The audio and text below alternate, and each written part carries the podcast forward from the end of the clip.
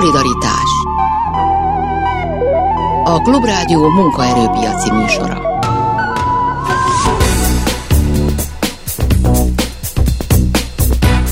Jó napot kívánok, Sámeszi János vagyok. A mai műsornak két témája lesz. Az első a védőnők helyzete, akiknek a viszonyaik az elmúlt hónapokban nagyon átalakultak az önkormányzatoktól, átkerültek az államhoz, de hogy ez pontosan mit jelent, mit vártok ettől a változástól, mi lett belőle, és mit szeretnének most ezt is megbeszéljük majd a mai műsorban. A második felében a műsornak pedig Székely Tamással, a VDS elnökével beszélgetek, majd nagyon sok minden történik nyáron a szakszervezetek körül változhatnak a szabályok, például a tagdíj fizetést, illetően ezekről is szó lesz, de talán a vendégmunkásokról is a mai adásban már is kezdünk.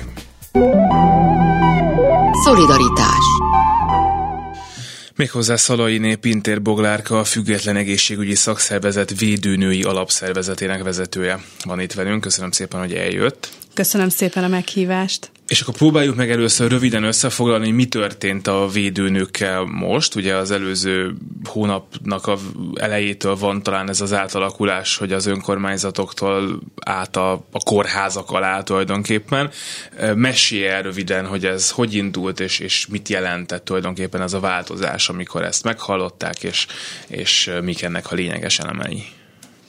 Ez egy nagyon régi terv volt, hogy valamilyen módon egységesítésre kerüljön a, a védőnők még talán nem is az alkalmazása, hanem leginkább a munkájuk.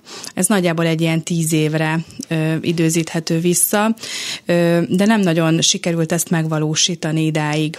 Ö, tavaly decemberben jelent meg az a törvénymódosítás, amiből kiderült számunkra, védőnők számára, hogy ö, idén július 1 a Centrum kórházak, ö, illetve a Vármegyei kórházak ö, munka, munkáltatói hatósága alá kerülünk, vagy felhatósága alá kerülünk.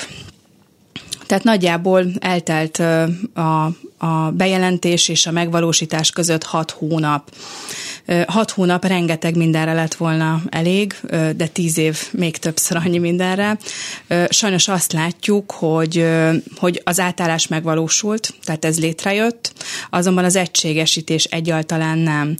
Az egységesítés alatt mit ért, bocsánat, itt azt kell ez alatt érteni, hogy korábban azon, hogy egy O önkormányzat alatt, vagy B önkormányzat alatt dolgozik egy védőnő, nagyon különböző akár szabályok, akár elvárások lehetnek rá érvényesek?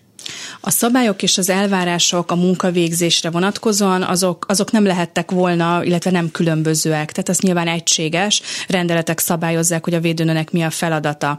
Azonban, hogy ezt milyen munkakörülmények között látja el, az bizony önkormányzat függő volt. Voltak jobb önkormányzatok, voltak kevésbé jó önkormányzatok.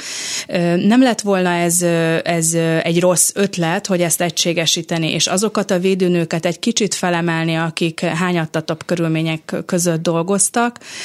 Most azt tapasztaljuk, hogy nem, hogy egységesség nem született semmilyen körülményben, tehát sem a bérezésben, sem a munkakörülményekben, sem a bérenkívüli jutatásokban, hanem hanem már az egy kórház alá tartozó védőnők sem egységes jutatásokban és feltételekben részesülnek, Ugyanakkor nagyon nehéz körülmények közé kerültünk amiatt, mert eddig, hogyha az A önkormányzat nem volt támogató, akkor a, akkor a védőnő végig gondolta, hogy átmegye B önkormányzathoz dolgozni különböző feltételek miatt.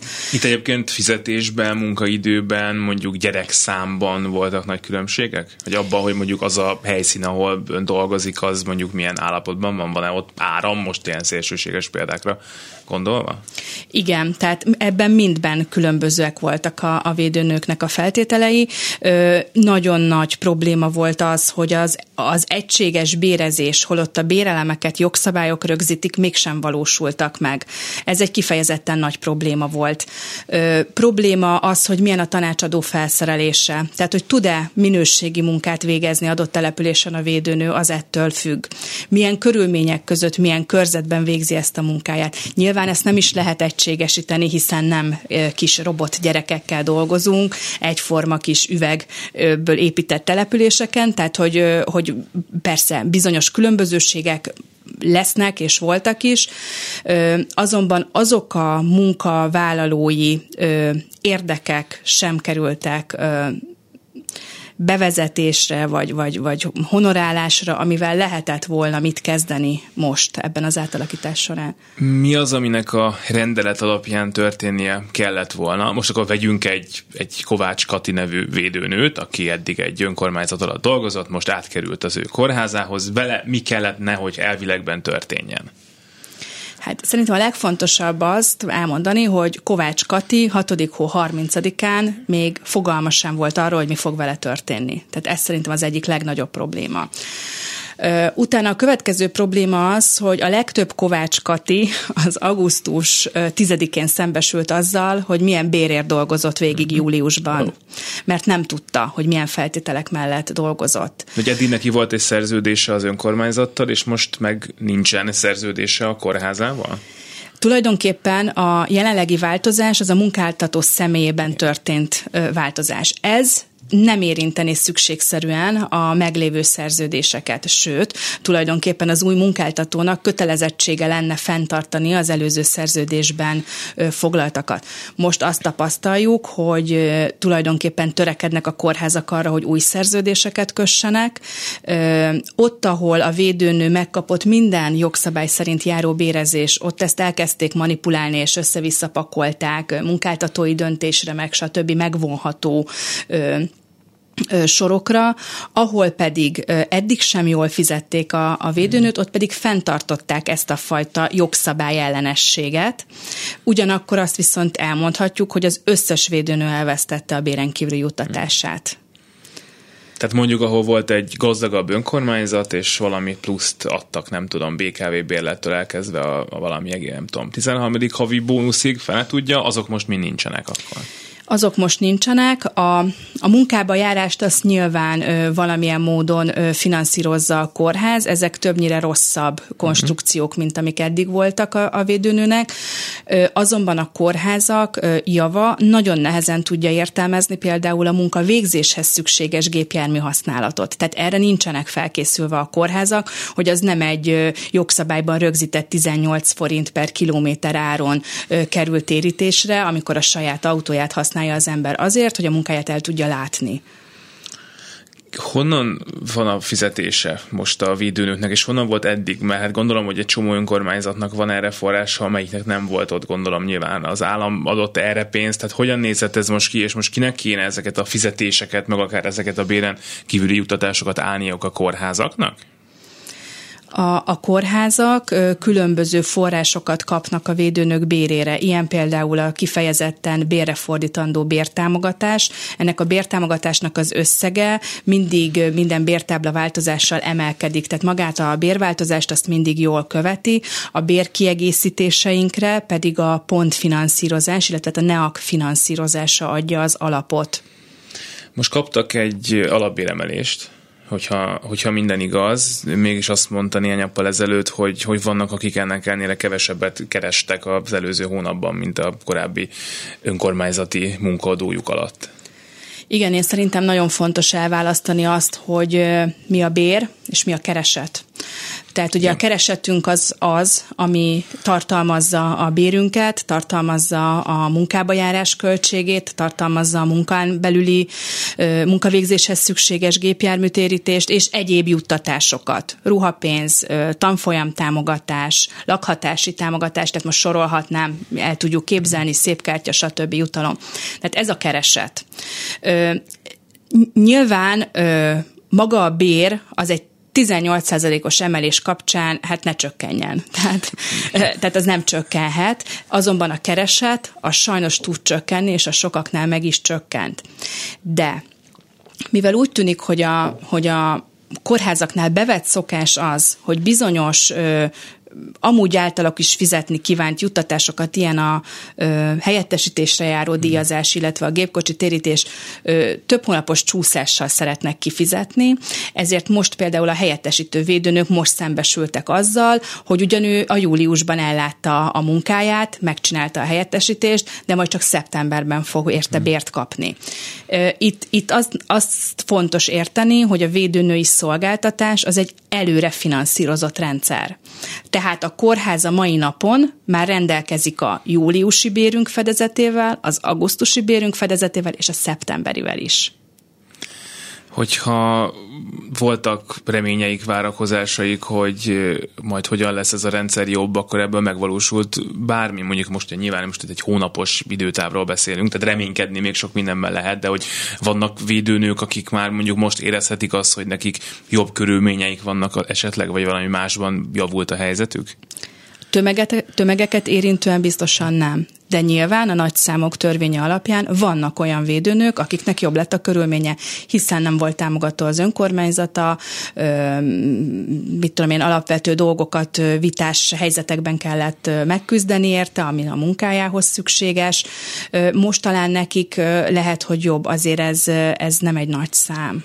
Ugye csináltak egy felmérést, hát gondolom, hogy a szakszervezet tagjai között, vagy azok között, akiket önök el tudtak érni, hát ebből azért az látszik, hogy elég komoly problémák vannak sok helyen, meg olyan problémák, amiket hát gondolom, és ez egy kérdés is, hogy a kórházaknak el kellett már kezdeniük kezelni, amit nem tudom, hogy ők mennyire tudnak, akarnak, de hát ők megkapták ezt a feladatot, akkor gondolom ellátják. Igen, ez egy jó, jó meglátás. Én nem gondolom, hogy ezt a kórházak várták, vagy szerették volna magukénak ezt a, ezt a, ezt a történetet. Nagyon nehezen értelmezhetően vagyunk beilleszthetőek amúgy a kórházi rendszerbe. Tehát ugye ott azért van egy, egy tekintélyelvű hierarchia, ami hát Magyarországon az egészségügynek ugye a sajátja, tehát hogy ezt ettől nem tudunk eltekinteni, ez így van. Ebbe beleilleszteni több ezer olyan dolgozót, aki nem helyben van, nem formaruhá ruhát visel, és, és nem abban a bizonyos tólig időpontban van ott, és ahol kell, hogy legyen, hanem járja a falut, meg a községeket, stb. Tehát egy nehezen ellenőrizhető munkát végzünk, ezt nagyon nehezen tudják beilleszteni. Ugyanakkor, igen, én is azt gondolom, hogy a kórházaknak is volt erre fél év felkészülésük, de nem biztos, hogy a kórházakat kell ebben hibáztatni, mert hogy honnan tudta volna a kórház, hogy mire számítson, ha valaki, aki ehhez ért, nem mondta el nekik, hogy a védő nőket ilyen és ilyen, mit tudom én, bérelemek illetnek meg, ilyen és ilyen eszközök kellenek a munkájukhoz, tehát hogyha nincsenek felkészülve, akkor nyilván nem tudják jól ellátni ezt a feladatot. Én azt gondolom, hogy most ezt látjuk, a kórházak szerintem próbálkoznak, de most szembesülnek ö, alapvető problémákkal. Tehát ö, június 23-án még biztosan tudom, hogy, hogy alig volt olyan önkormányzat, akit egyáltalán megkeresett az okfő azzal, hogy, hogy próbáljanak megegyezni, szerződést kötni a fenntartás további hmm. megoldásáról. Hiszen egy csomó ingatlan továbbra is az önkormányzatok tartanak fenn, hogyha jól értem. Igen, az ingatlanok azok maradtak ugye annak a tulajdonában, akinek voltak, a felszerelést kellett használatra átadni, mm. de ugyanakkor az üzemeltetéssel járó olyan egyszerű dolgok, mint egy internet hozzáférés, egy mm. telefon hozzáférés, egy adminisztrációs program, egy postázás. Hát a postázás most a legnagyobb problémájuk a, a védőnöknek, ami persze ilyen nevetségesen hangzik, de tulajdonképpen abban az időszakban vagyunk most, hogy kezdődne a tanév, költöz költöznek az emberek, tehát hogy, hogy kellene tájékoztassuk az iskolavédőnőket arról, hogy milyen adatai vannak nálunk a, a gyerkőcöknek, és, és akkor erre az a megoldó képlet, hogy adja fel a védőnő, majd kifizetik egyszer.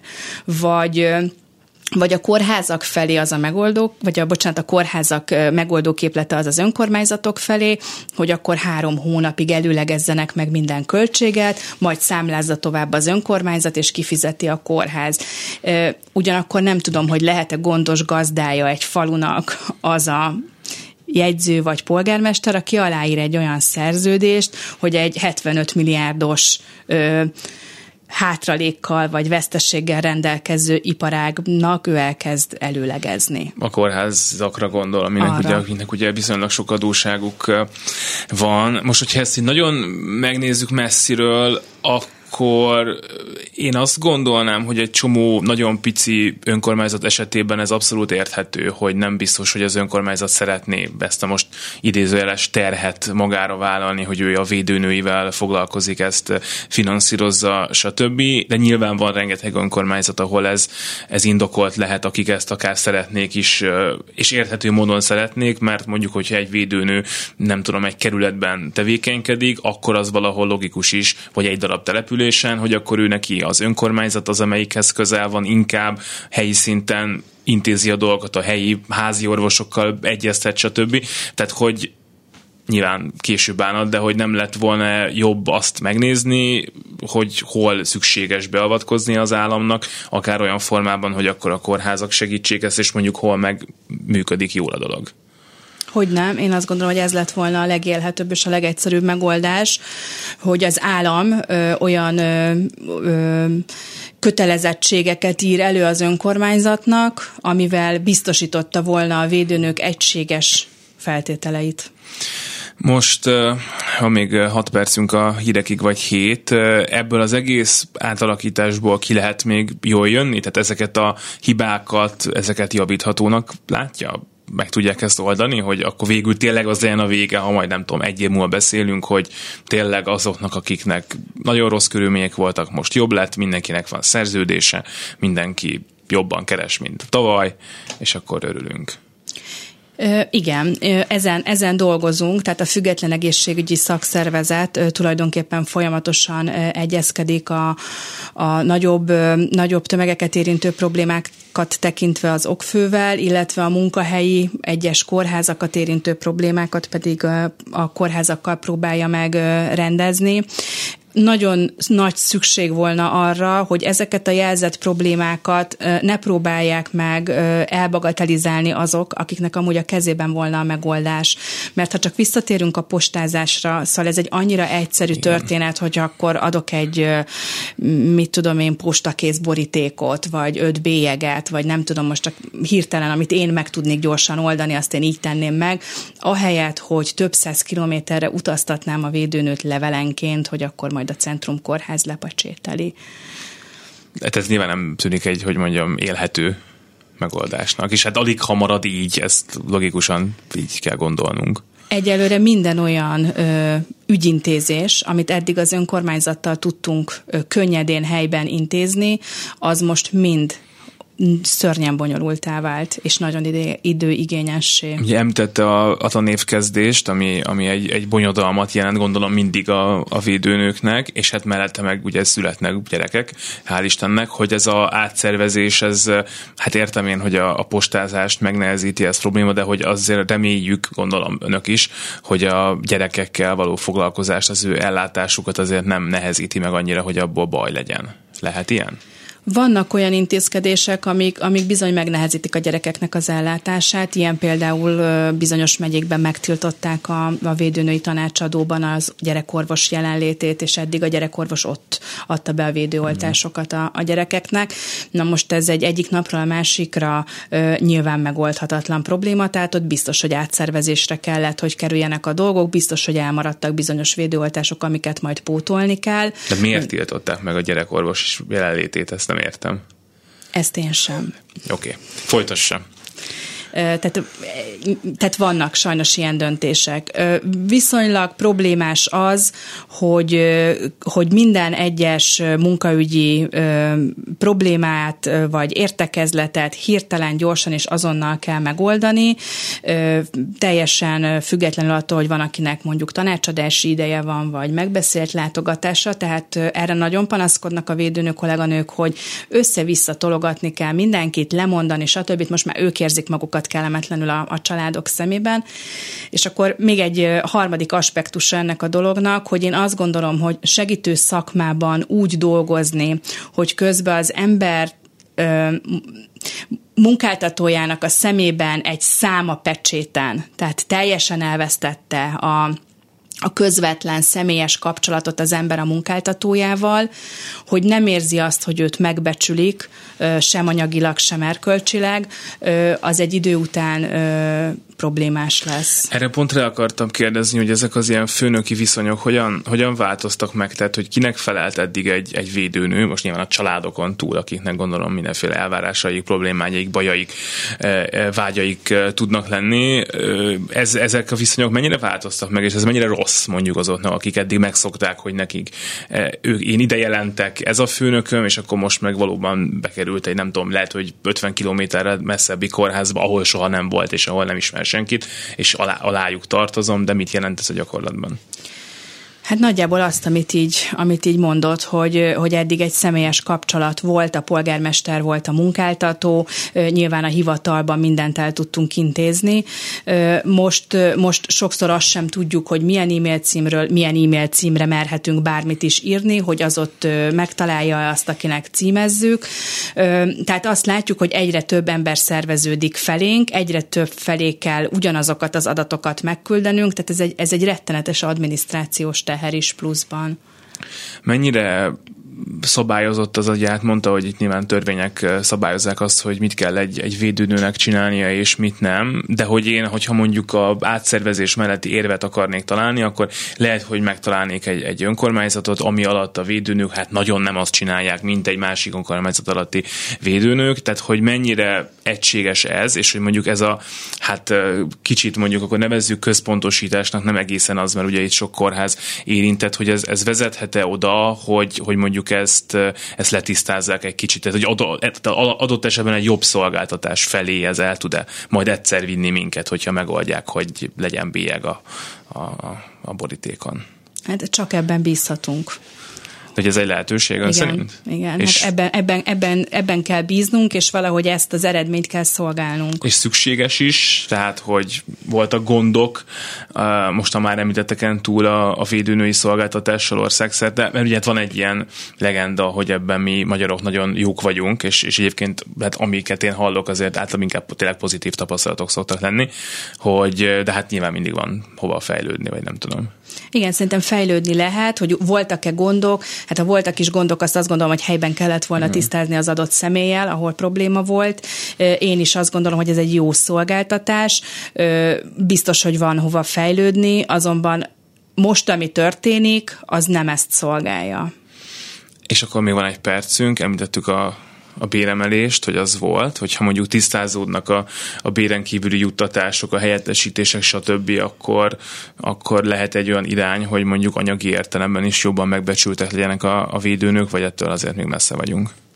Én azt gondolom, hogy ha ezek tisztázódnának, akkor igen, akkor, akkor ugyanazon a szinten vagyunk, ahol, ahol a szakdolgozók, ami eddig volt, tehát nincs megvonás, hanem a 18%-os emelés az végre 18%-os emelés lenne. Azért itt azt még, még megemlíteném, hogy a védőnök tulajdonképpen 2022. januárban a négy lépcsős ágazati béremelés negyedik lépcsőjéből egy ugyanilyen bérkiegészítés megvonása miatt kimaradtak.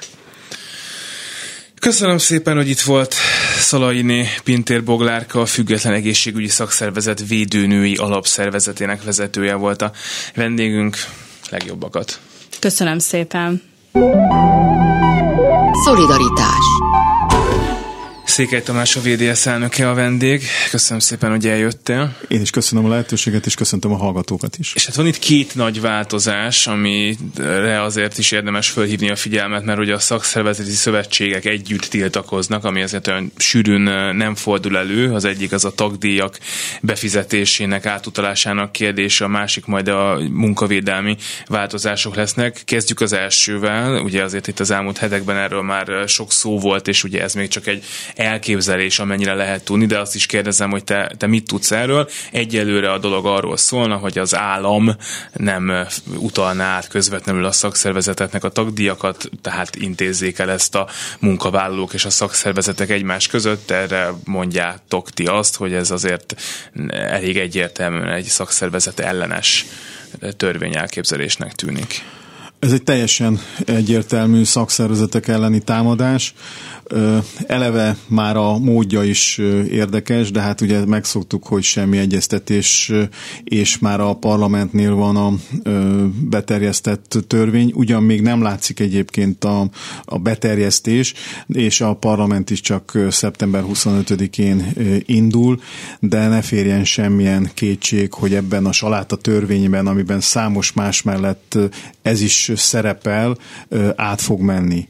Az is igaz, hogy jelen pillanatban az előterjesztés kizárólag csak az államhoz tartozó szakszervezeteket támadja ezzel a javaslattal, de tudjuk azt, hogy ma ők, holnap mi, és ezért is emeltük föl egyébként a hangunkat, és szerencsére a konfederációk is felébredtek, hogy azért ez egy nagyon komoly közel 30 éves megállapodásnak vagy konszenzusnak a felrúgását jelenti. Bár igaz, hogy a kormányzat már 2011-ben, amikor a rendvédelem területén a rendvédelmen dolgozókat ugye komoly változás érte azzal, hogy megszűnt a szolgálati nyugdíj, és kimentek az utcára, ahol nagyon sok szakszervezet támogatásként szintén ott volt, köztük a VDS is, tudták azt, hogy annak az lesz a következménye, hogy a, a rendvédelem területén, kifejezetten a rendőrségnél már évek óta nem lehet levonni a szakszervezeti tagdíjat a munkabérből, a munkáltató nem vonja le, és ennek következtében egyébként a rendőrségnél működő szakszervezeteknek a tagsága igen komolyan le is csökkent. Ezt a technikai kérdést ezt próbáljuk megtisztázni, hogy ez a VDS-nél ez, ez úgy működik, hogy ha van egy VDS tag egy munkahelyen, akkor neki a fizetését az ő munkáltatója az automatikusan utalja a szakszervezetnek? Ez úgy működik, hogy ha valaki csatlakozik a VDS-hez, akkor a belépési nyilatkozattal mellett van egy nyilatkozat, amit a munkáltatónak juttat el a szakszervezet, hogy ő hozzájárul ahhoz, hogy a munkáltató a szakszervezeti alapszabálynak megfelelő tagdíjat vonja le. Ez a ö, megállapodás igazából véve a munkáltató és a szakszervezeti tag között jön létre, és ennek köszönhetően a szakszervezet a munkáltatótól, aki ezekben a ö, kérdésekben nyilatkozott, azoknak a béréből levonják a szakszervezeti tagdíjat, és egy összegbe utalják át a a szakszervezet részére, és akkor innentől kezdve ö, van az, hogy ugye a törvény abban ö, is álságos, vagy ez a módosítás, hogy az indoklás az, hogy a ö, állampolgárok adminisztrációs költségét ö, és terheit csökkentsék. Hát ezzel pont, hogy meg fog nőni egyébként az adminisztrációs teher, mert jelen esetben, hogyha mondjuk a VDS alapszabályát nézzük, de egyébként másoknál is százalékos a ö, szakszervezeti tagdíj, és hogyha van túlóra, tehát nem egységesen minden hónapban mindig ugyanannyi a bruttó kereset, ebből egyébként szerintem nagyon komoly problémák lesznek már a közféra területén is. Egyébként azt el kell mondani, hogy vannak olyan VDS tagszervezeteink, ahol a bérből nem vonja le a munkáltató a szakszervezeti tagdíjat, hanem a dolgozók fizetik be. Ez is működik, de azoknál a cégeknél, ahol kialakult szokás van, én azt gondolom, hogy ebben nem ildomos belerúgni, különös tekintettel arra azért nem, mert így egyébként a munkáltató napra készen tudta, hogy hány szakszervezeti tag van körülbelül, ami fontos adott esetben a bértárgyalások reprezentativitását tekintve, illetve a kollektív szerződés kötésnél is alapvető, hogy legalább 10%-os szervezettség legyen az adott munkahelyen. Miért lehet jó a, a magyar államnak, kormánynak, hogyha megszabadul ettől a feladattól, hogy ő utalgassa ezeket a tagdíjakat, azt gondolhatjuk, hogy ez nem tűnik egy akkora feladatnak, hogy hát hogyha ez egy szakszervezetek elleni támadás, akkor, akkor mi a cél? Kevesebb tag, kevesebb pénz, amiből gazdálkodhatnak? Ez egy rettentő pitiáner, kicsinyes bosszú azért, mert a pedagógusok adott esetben felléptek a saját érdekük érvényesítése érdekében. Ezt gondolom én, és, és hát ugye látszik az, hogy melyikek azok a területek, ahol, ahol különösen érintett a, az állam, illetve a kormányzat egyrészt a, a, az oktatás terén, egészségügy terén, ami szintén romokban van az oktatás mellett, tehát ott is várható egyfajta tiltakozás a szakszervezetek részéről, és így akarják meggyengíteni őket. De hát szeretném jelezni, hogy a szakszervezeti mozgalmak már azt kell, hogy mondjam, bőven a száz éven túl vannak, miközben ez a kormány hát lassan 20 éves lesz, tehát azért van némi tapasztalata a szakszervezeteknek, hogy hogyan lehet egy első világháborút, egy második világháborút, egy, egy ö, szocializmus túlélni, úgyhogy úgy gondolom, hogy azért ez intőjel lehetne, hogy nem ilyen pitiáner dolgokkal kellene foglalkozni, hanem inkább le kéne ülni az asztalhoz, és tárgyalni kellene a partnerekkel. Beszéljük meg ezt a másik módosítást is, mert hogyha nincsen munkavédelmi tájékoztatás, az mondjuk nekem, aki egy, egy rádióban dolgozok, és tényleg a, ha nem verem bele a fejemet a mikrofonba, akkor itt azért túl sok bajom lekopogom, nem tud történni, de mondjuk, hogyha a vegyiparban dolgoznék, akkor azért hangos kiabálásokkal venném tudomásul, hogyha ebben bármilyen olyan módosítás van, ami adott esetben az én biztonságomat fenyegetheti. Fenyegetheti?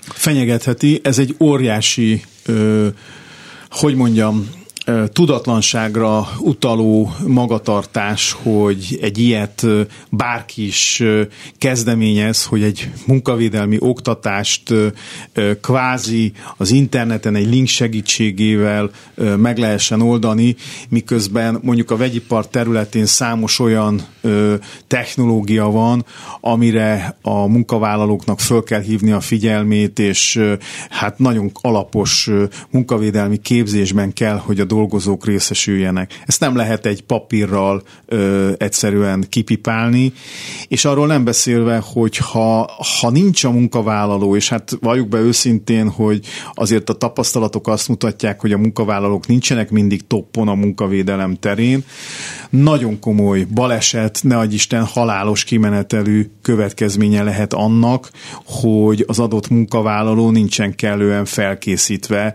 a saját területén ö, váró veszélyekre.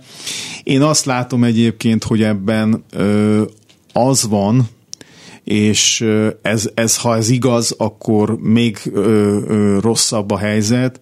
Az akkumulátorgyárakban lévő do, potenciális dolgozóknak a foglalkoztatását, vagy kezdeti foglalkoztatását akarják ezzel az adminisztrációs ö, tehercsökkentéssel ö, megoldani. Hát szeretném jelezni innen, hogy ez, ez nagyon-nagyon rossz út.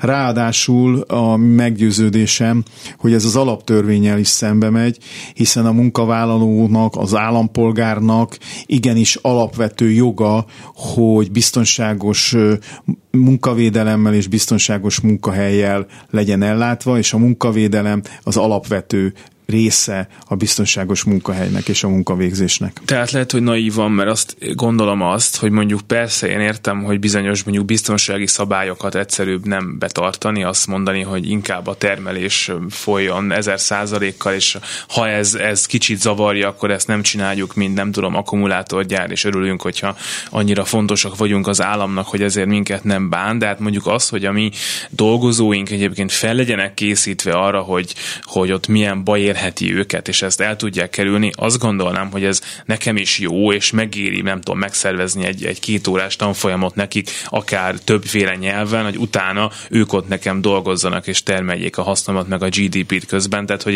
én annyira nem látom ebben még a, még a munkáltatók érdekét sem. Egyébként én is így látom a munkáltatók ebben a tekintetben, én azt gondolom, akik felelős teljesen gondolkoznak, azok nyilvánvalóan nem. De hát azért ne felejtsük el, hogy azért az utóbbi hetekben, hónapokban tapasztaltunk már olyat, és itt elsősorban ázsiai cégekre gondolok, új ázsiai cégekre, akik Magyarországra és ezen belül az Európai Unióba jöttek és indították el a különböző tevékenységeket, tevékenységüket, nincsenek ehhez hozzászokva. Uh-huh. Ők pont ahhoz vannak hozzászokva, amihez egyébként a kormány egyre inkább asszisztál, hogy fölazítjuk a különböző ö, felügyeleti szerveknek a működését, ö, ilyen könnyítéseket adunk a munkáltatók kezébe, mint például ez a baleset és munkavédelmi oktatás, és ezzel is egyébként szerintem sokkal nagyobb kárt okozunk saját magunknak, mint sem, hogy számon kérjük azokat az alapvető szabályokat, amik eddig voltak, mondjuk a munkavédelem területén. Ez az év munkaerőpiaci szempontból arról szól, legalábbis a kommunikáció mindenképpen, hogy, hogy itt vannak már nagyon sokan vendégmunkások, de még sokkal többen fognak jönni. Ez a folyamat mondjuk a, akár a nyár folyamán ez, ez látszik, tehát a gyakorlatban azt lehet mondani, hogy ide érkeznek folyamatosan újabb dolgozni vágyók harmadik országokból. Látszik ez a folyamat, vagy ennek a meglódulását inkább még csak várjuk, hogy majd jönnek a gyárak, és akkor nyilván jönnek mellé a dolgozók. Nem, én azt látom, hogy itt nagyon komoly előkészítése, és az előkészítéssel párhuzamosan a folyamatoknak a beindítása zajlik. Egyre több munkavállalót látunk, akik nem tudnak magyarul, és ennek egyébként igen komoly következménye is lehetnek, hogyha ezt rosszul kezeljük. Egyrészt a kulturális különbségek tekintetében, másrészt számos olyan helyzet adódhat, amelyet mindenféleképpen kezelni kell. Ezért is hoztuk létre egyébként VDS szinten azt a fajta szervizközpontot, amelyel megpróbáljuk segíteni a Magyarországra érkező munkavállalókat, már csak azért is, mert meg kell, hogy védjük a magyar munkavállalókat és a magyar munkavállalók pozícióit. Ne felejtsük el, hogy ugye itt említettem már a beszélgetés elején, hogy a bértárgyalás és a kollektív szerződés az a szakszervezeti szervezettséghez kötött. És abban az esetben, hogyha olyan munkahelyek jönnek létre, ahol a szervezettség nem éri el a 10%-ot, akkor nem fogunk tudni kollektív szerződést kötni, vagy amit egyre inkább látunk, hogy a már meglévő munkahelyekre a fluktuációnak és az elvándorlásnak is köszönhetően egyre több kül külföldi munkavállaló jelenik meg, és hogyha nem tudjuk megtartani a szervezettségünket, nem tudjuk beszervezni a vendégmunkásokat, akkor annak az lesz a következménye, hogy a jelenlegi meglévő ö, kollektív szerződéseinket is elveszítjük, és ezzel még nagyobb kárt fogunk okozni a munkavállalóknak, akik Magyarországon élnek. És van egyébként a vendégmunkások részéről érdeklődés a szakszervezetek iránt? Részben van, nyilvánvaló, hogy ez egy nagyon nehéz és egy nagyon ö, hosszú távú folyamat. Én az utóbbi időben több szervezettel tárgyaltam, ö, például ma az ENSZ egyik ö, szervezetével, akik koordinálják a vendégmunkásoknak a, a különböző tevékenységét, illetve jogait az ENSZ-en belül. Ez az IOM nevű szervezet. Ö, nagyon fontos egyébként, hogy itt több szereplős ez a ö, ö, dolog. Nem csak a foglalkoztatóról és adott esetben a toborzóról vagy a munkaerő kölcsönzőről szól ez a történet. Elsősorban az emberről, akik ide jönnek Magyarországra, és tudjuk azt, hogy a kormányzat milyen feltételeket teremtett, úgyhogy ebből a szempontból is nagy kihívás egyébként szerintem, és ebben a szakszervezeteknek hatalmas feladata lenne, és én azt gondolom, hogy ebben a VDS előjár és hát nem szakszervezeti feladat csak, de hát most önmagában az, hogyha nem tudom, van egy település, ahova épül egy gyár, ahol dolgozik fognak, nem tudom, 5000-en, és akkor abból 3000-en külföldről érkeznek, még elsőre nincsen hol lakniuk, valószínűleg idővel hoznák a családjukat, nem tudják, szóval ez mindenféle feszültségekkel, meg hát egy csomó feladattal jár, amit gondolom, hogy, hogy, hogy az állam, a szakszervezet, a munkadó, a önkormányzat, stb. együtt majd, majd próbál elvégezni, de hogy azért ez ilyen kisebb településeken azért nekem ebből látszik egy csomó nagyon nehezen megoldható probléma. Ez így van, és nincs, aki koordinálja. Tehát itt ez a legnagyobb probléma, hogy most kialakult egy eléggé furcsa légkör, ami a munkavállalókat illeti, a vendégmunkásokat. Ugye láttuk azt, hogy mi volt Tiszaújvárosban, amikor a törökök elkezdték építeni a molnak az új beruházását. Látjuk azt, hogy mi van Iváncsa környékén.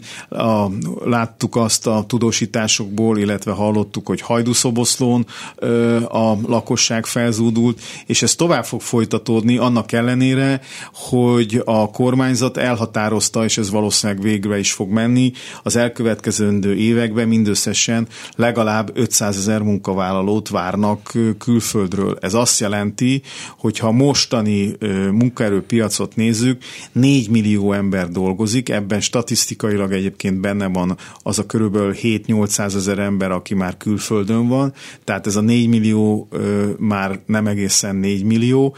Ez azt jelenti, hogy az 500 ezer külföldi munkavállaló, ez több, mint a munkavállalók 10%-a, tehát itt ezt tudomásul kell venni, nem fog egyébként a gazdaság a jelenlegi munkaerőpiaci helyzetből adódóan vendégmunkások nélkül működni Magyarországon, és ennek óriási következményei lesznek, hogyha ez így eszkalálódik, ahogy most látjuk. Van még 10 percünk, úgyhogy kezdjünk el bérekről, meg a magyar gazdaság állapotáról beszélgetni egy kicsit. Hát most már mindenki úgy számol, hogy reálbér csökkenés lesz ebben az évben, ami azért nem megszokott, főleg az előző években nem voltunk ehhez még csak közel sem a kétszámjegyű béremelésekkel. Persze volt infláció is, tehát ez reálbérben azért nem feltétlenül jelent kétszámjegyet, de mégis most az mennyire látszik, hogy rengeteg munkavállaló van, és ezt a VDS területén is érdekel, hogy mennyire probléma, akiknek tényleg kevesebbet fog érni a fizetésük, mint tavaly. Ugye, hogyha a statisztikai adatoknak hinni lehet, már pedig ebben én azt gondolom, hogy itt most nagyon nagy számbeli különbségek nincsenek, több mint 7%-kal ö, csökkentek a reál keresetek, tehát itt egy valódi, ö, komoly, még a 2007-2008-as gazdasági válság reálbér csökkenéséhez képest is magasabb reálbér csökkenésről beszélhetünk jelen pillanatban. Lehet, hogy ez az év végére bizonyos szinten ö, ö, picit módosul, de nagyságrendileg nem fog. Ez azt jelenti, hogy ma a munkavállalók rosszabbul élnek, mint egy évvel ezelőtt, és az is látszik, hogy annak ellenére, hogy az év elején mondjuk a VDS működési területén az átlaghoz képest nem rossz bérmegállapodásokat kötöttünk, ehhez képest a bérmegállapodásokhoz képest is hát jó esetben nullához fognak a, a béreink sok esetben konvergálni, ami azt jelenti, hogy talán megússzuk a reálbér csökkenést. Összességében azt lehet mondani, hogy az alacsony keresetőek, tehát a minimálbér és a garantált bérminimum szintjén keresők, ott egészen biztos reálbér csökkenés lesz, és én nem látom azt a fajta kormányzati és munkáltatói szövetségi szándékot, hogy az idei évben még a minimálbér és a garantált bérminimum tekintetében legyen korrekció. Ugye tavaly sem volt ilyen, viszont azért nagyon sok munkahelyen adtak szeptember, október, november környékén valamit, mert hogy érezték azt, hogy annyira magas az infláció, hogy erre valamit reagálni kell. Erre ebben az évben lehet lehetőség, tehát akár a VDS-nél van olyan munkahely, ahol, ahol gondolkodtok abban, hogy még valamit kérjetek mondjuk össze a dolgozóknak? Több helyen kezdődött puhatolózás, hogy, hogy lehet erre mód. Ott, ahol az inflációhoz kötöttünk bizonyos kiskapukat, ott esetleg lesz rá lehetőség, de hát a legnagyobb probléma, hogy azért a VDS működési területén is vannak olyan vállalkozások, ahol jelentősen visszaesett a termelés, illetve a termék iránti vagy szolgáltatás iránti kereslet, ami további veszteségeket fog jelenteni. És ebből kiindulva nagyon nehéz helyzetben vagyunk, mert mindenféleképpen szükség lenne a dolgozóknak a bérét megemelni, de abban az esetben, hogyha olyan, ne adj Isten, olyan gazdasági helyzetbe kerül a cég, hogy azon kell morfondírozni, hogy elbocsásson, vagy ö, bért fejleszen, akkor nagy kérdés, hogy melyiket támogassuk. Igen, pont ezt akartam felvetni, hogy itt azért, most azért egy olyan helyzet van, ennyire magas inflációra nyilván senki sem számított, hogy azért nehéz egy bizonyos szint után azt mondani, hogy hát a, ott van a ti profitotok, a jelentős, adjatok abból valamit. Biztos, hogy vannak olyan cégek, ahol ezt joggal lehet mondani, és mondhatják a szakszervezetek, de azért nagyon sok helyen meg most valószínűleg ebben az évben nem mondhatják. Nagyon változó egyébként, mert van még olyan terület, ahol a gazdasági és az energiaárak változásából adódóan van némi esély arra, hogy akár egy összegben is, de valamilyen kompenzációt kapjanak a dolgozók. Sok esetben én azt látom, hogy egyébként a munkáltatók, hogy az energiaár és a bizonytalanságra hivatkozva inkább hagyjuk magatartást folytatnak, és van olyan vállalkozás is, vagy olyan menedzsment, akivel az elmúlt időszakban le tudtunk ülni, és a jövő évi tervezésnél, költségtervezésnél, illetve az egész pénzügyi tervnek a kidolgozásánál már azokat a javaslatokat, amelyeket a szakszervezetek tettek a jövő évi béremelés tekintetében, azt megpróbálják betervezni adott esetben, hogy a központnál, amikor a végleges üzleti terv tervezése zajlik, akkor könnyebb legyen azoknak a követeléseknek megfelelni, amelyeket a szakszervezet a jövő évi bértárgyalásokra állított össze. Na és mennyire lehet majd vajon az idei reálbérvesztességét, akinek lesz, azt a jövő évi béremelésekkel kompenzálni? Egészen biztos vagyok benne, hogy itt is szintén, ahogy az idei évben legalább két számjegyű béremelésre lenne szükség. Az nagy kérdés, hogy a munkáltatóknak van-e arra mozgásterük, hogyha multinacionális céget nézünk, hogy ezt végrehajtsák.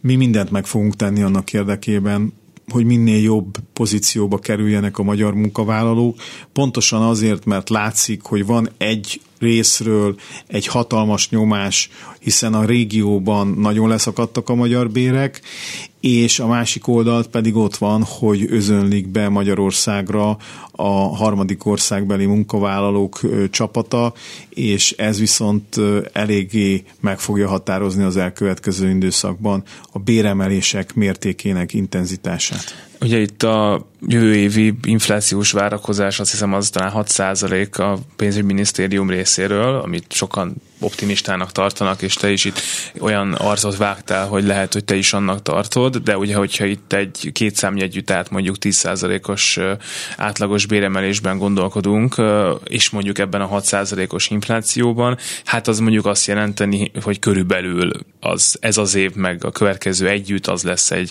egy nullás reálbérfejlesztés, és ez most lehet, hogy egy optimista számítás volt, és tehát nem beszéltünk még mondjuk az állami szférában dolgozókról, ahol, ahol tényleg borzalmas számok vannak bizonyos munkakörökben, szóval hogy azért ez nagyon távol van attól, amit itt az elmúlt években a két számjegyű béremelésekkel, illetve hát a bizonyos időszakban még tényleg egy-két-három százalékos infláció mellett itt a dolgozók megszoktak, mégpedig azt, hogy halassan is, de javul a helyzetük. Igen, én is azt látom, hogy egyébként komoly, verítékes tárgyalások elé nézünk már így szeptember tájékán, hogyha a jövő évi bértárgyalásokat nézzük, és ráadásul ugye van még egy szempont, ami, ami nem teljesen világos a munkáltatók részéről, hogy hogyan akarják, vagy milyen módszerekkel próbálják a jövő évben is a szakképzett munkavállalókat megtartani, mert ha nem lesz tisztességes béremelés, akkor a munkavállalók el fognak menni, független attól egyébként, hogy Magyarországon vagy Magyarországon kívül fognak továbbiakban dolgozni. És van még egyébként olyan mondjuk nagyszámú munkavállalói réteg, amelyiknél az egy elő, még előfordulhat, hogy ő azt mondja, hogy Ausztria, Németország, Nagy-Britannia, mert ugye hát azt gondolná az ember, hogy ők már kimentek, mióta a járvány véget ért, visszamentek oda, ahol korábban dolgoztak külföldön, de viszont a, ezzel ellentétes meg, hogy hát hogyha jönnek helyettük is akár harmadik országból, akkor lehet, hogy azt, azt mondja, hogy hát hát akkor megpróbálom én is külföldön, ha neki is sikerült itt, akkor nekem meg majd máshol. Európában és az Európai Unión belül nyilván Nyugat-Európát fókuszálva ugyanazok a generációs, illetve demográfiai problémák jelentkeznek, mint Magyarországon. Ebből adódik, hogy hasonló munkaerő hiány lép fel a többi nyugat-európai országban, és meg kell, hogy mondjam őszintén, hogy a magyar munkavállalókat szívesebben alkalmazzák, mint mondjuk ázsiai vagy nagyisten arab munkavállalókat. Ebből a szempontból biztos vagyok benne, hogy a, a munkaerő elszívás Magyarországról továbbiakban is fel fog erősödni, hiszen ha magyar munkavállalót tudnak importálni Nyugat-Európába, akkor nem szükséges Ázsiából, azt majd Magyarország megoldja. Székely Tamás a VDS elnöke, nagyon szépen köszönöm, hogy itt voltál. Én is köszönöm szépen. És Gerendai Balságnes volt a műsor szerkesztője, Horváth Ádám a technikus kollégám, mind a kettejüknek. Köszönöm szépen a mai műsorhoz, amit hozzátettek, most hírek jönnek, maradjanak mindenképpen a Klubrádióval, és hallgassák meg Suba Krisztát. Minden jót kívánok! A műsor támogatója a Magyar Szakszervezeti Szövetség, Magyarország legnagyobb érdekképviseleti szervezete.